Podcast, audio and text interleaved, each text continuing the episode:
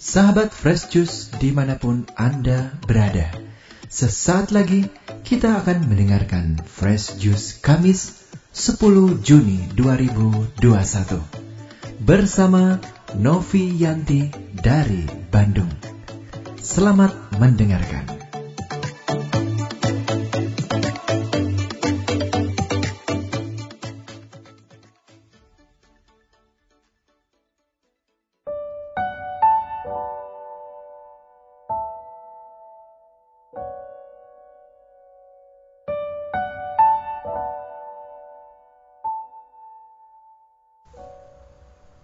Shalom Sobat Fresh Juice, kembali bersama saya Novianti dari Bandung. Hari ini kita akan merenungkan Injil dari Matius bab 5 ayat 20 sampai 26.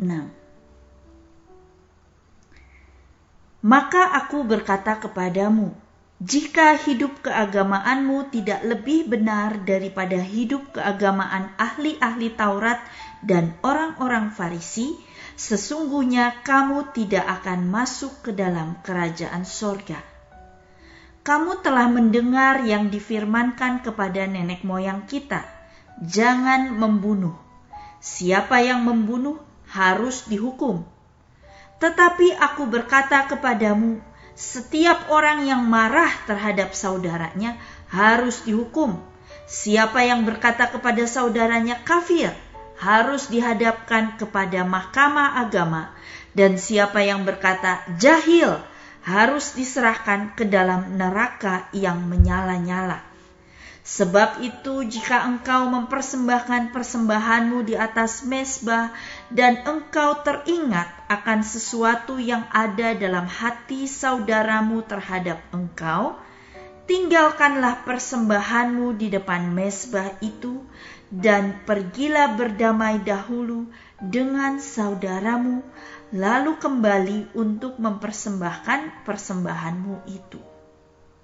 Segeralah berdamai dengan lawanmu selama engkau bersama-sama dengan dia di tengah jalan, supaya lawanmu itu jangan menyerahkan engkau kepada hakim, dan hakim itu menyerahkan engkau kepada pembantunya, dan engkau dilemparkan ke dalam penjara.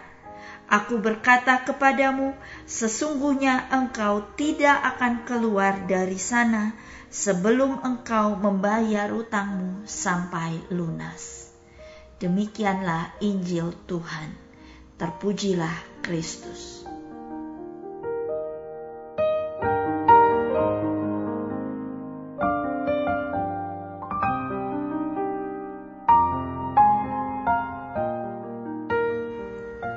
Fresh Juice, ketika saya berusia 4 tahun, saya diajari satu lagu.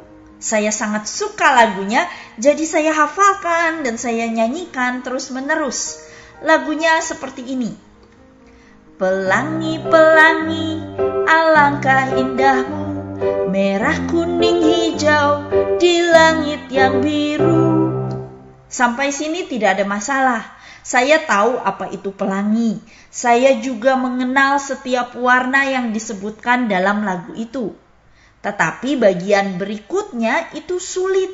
Saya tidak mengerti ada kata-kata yang baru buat saya. Tapi karena saya suka lagunya, saya lanjutkan menyanyi. Pelukismu jagung, siapa gerangan? Pelangi-pelangi ciptaan Tuhan.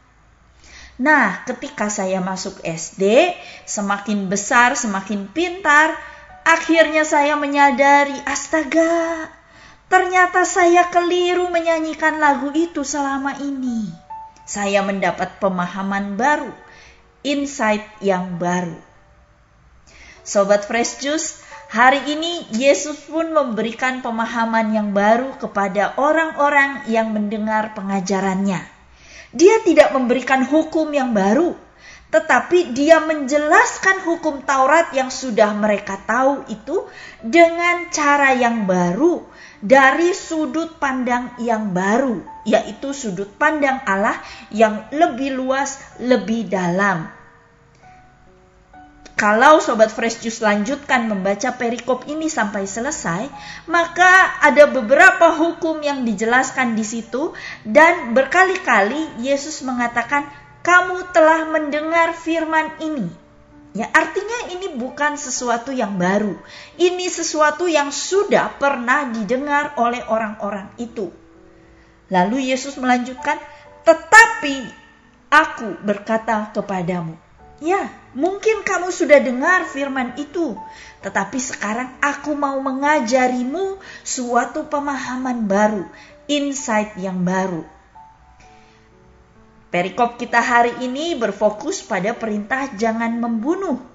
Sejak dulu orang Israel mengartikan perintah jangan membunuh itu sesuatu yang harafiah, artinya mereka tidak boleh membunuh seperti itu.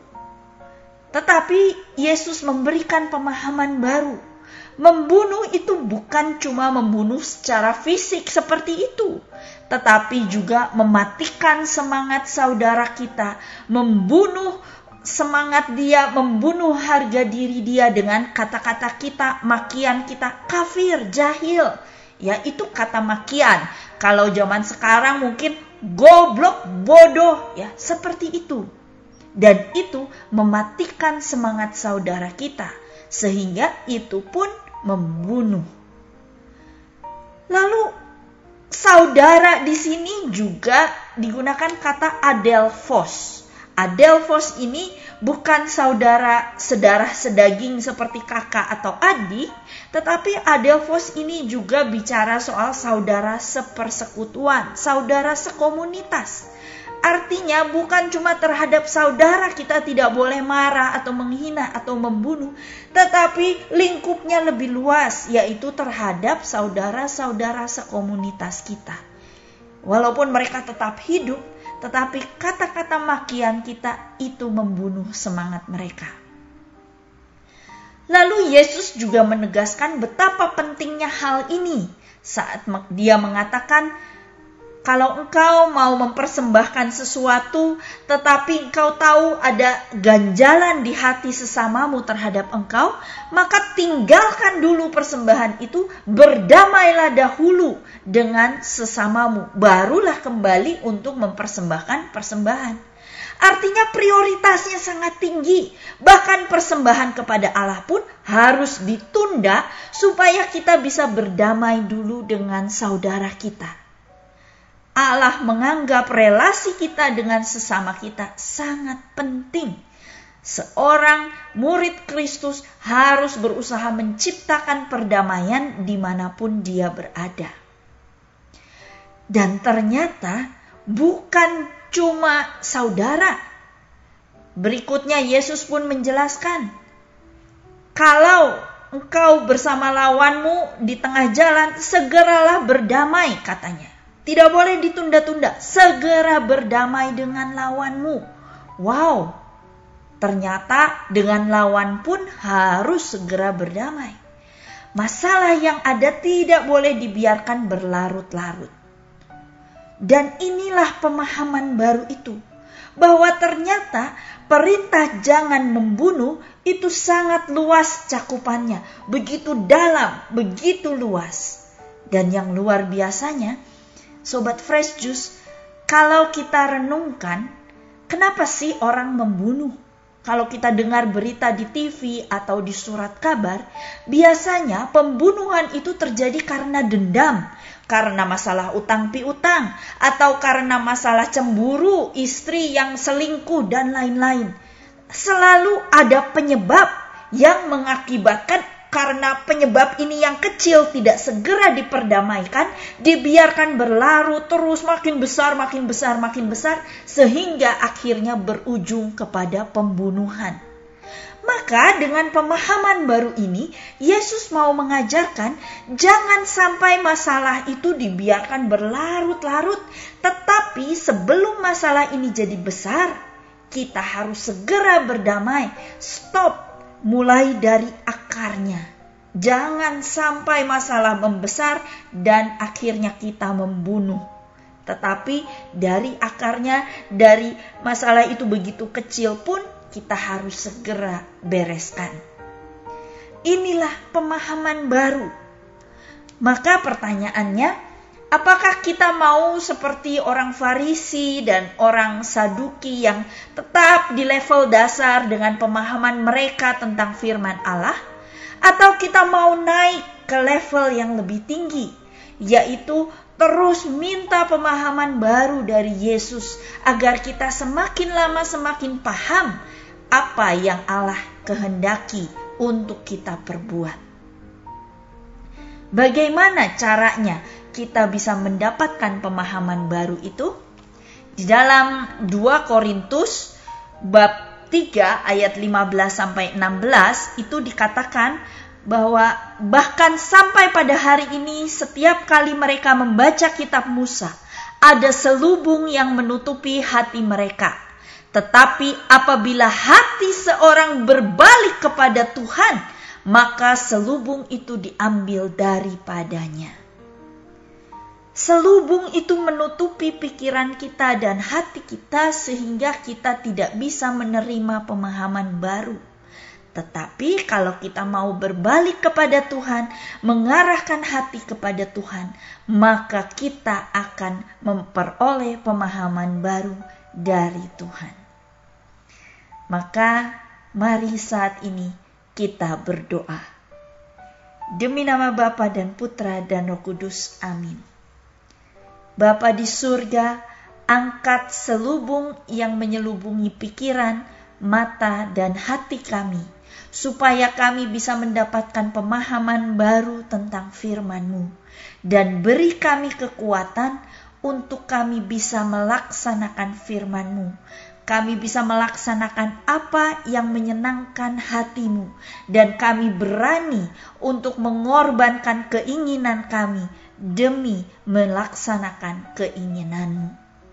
Kuatkan kami, bimbing kami, dan sertai langkah kami Terima kasih Tuhan, demi Kristus Tuhan dan pengantara kami. Amin. Demi nama Bapa dan Putra dan Roh Kudus. Amin. Tuhan Yesus memberkati.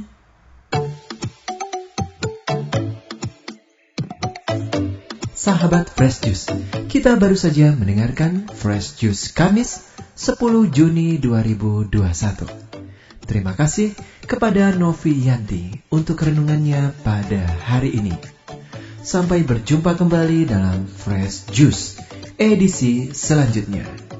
Jaga kesehatan dan salam Fresh Juice.